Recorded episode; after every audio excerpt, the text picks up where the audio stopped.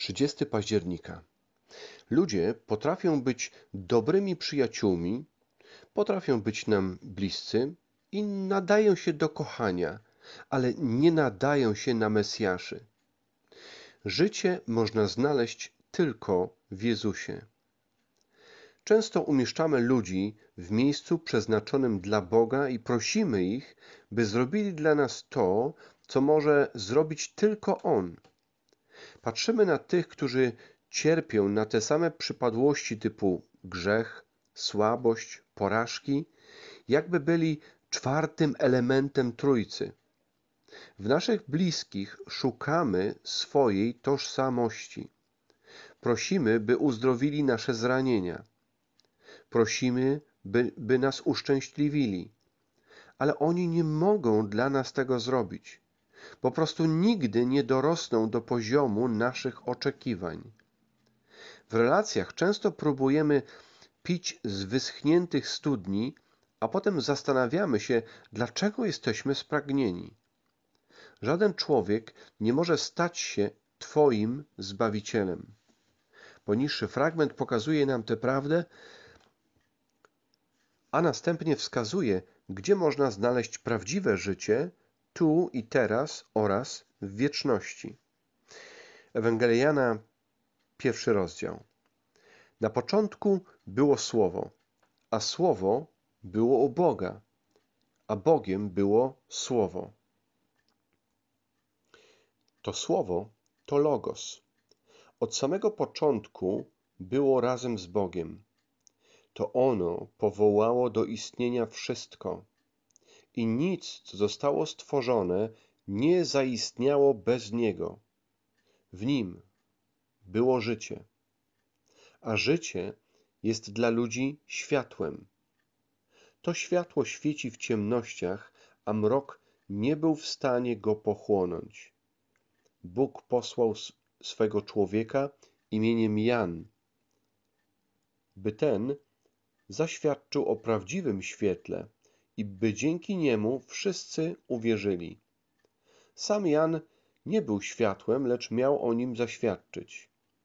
I pojawiło się prawdziwe światło, które oświeca każdego człowieka przychodzącego na świat. Pojawiło się na świecie, który dzięki niemu powstał, ale ten świat go nie rozpoznał. To słowo, Logos, przyszło do swojej własności, ale swoi go nie przyjęli. Tym jednak, którzy je przyjęli, dało prawo stać się Bożymi dziećmi. Tym, którzy mu zaufali, którzy narodzili się nie fizycznie, nie w wyniku namiętności czy ludzkich planów, ale z Boga. Słowo stało się ciałem i jak człowiek zamieszkało wśród nas. Dosłownie rozbiło namiot.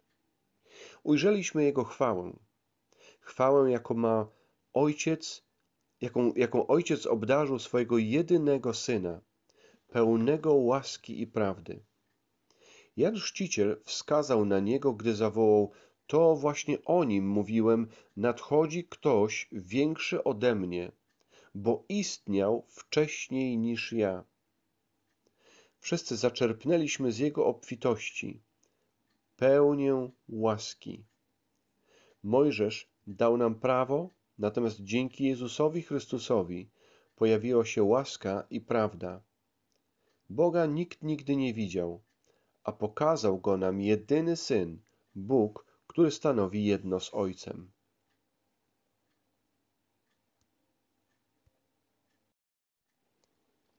Oto najważniejsza sprawa, tak mocno uchwycona w tym fragmencie. Jezus jest życiem. Jako Stwórca dał naszym ciałom fizyczne życie. Jako wieczny Bóg jest źródłem życia wszystkiego, co żyje. Ale jest coś więcej. Jako Zbawiciel jest tym, który jako jedyny daje duchowe życie naszym martwym sercom. Powyższy fragment dowodzi, że nie rodzimy się na nowo dzięki ludzkiej krwi ani ciału czy woli, lecz dzięki Bogu. To Jego pełnię otrzymujemy. Łaskę za łaską. Nie obciążaj swoim życiem drugiego człowieka, tylko go tym przytłoczysz, a sam się rozczarujesz. Nie potrzebujesz od niego życia, ponieważ otrzymałeś je już w osobie i dziele Jezusa Chrystusa. I jeszcze końcówka Ewangelii Jana, 20 rozdział, wiersz 30 i 31.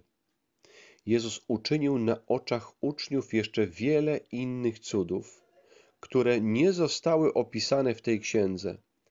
To wszystko jednak zostało napisane po to, byście uwierzyli, że Jezus jest Mesjaszem, Synem Boga i żebyście przez wiarę w Niego mieli życie wieczne. Pozdrawiam.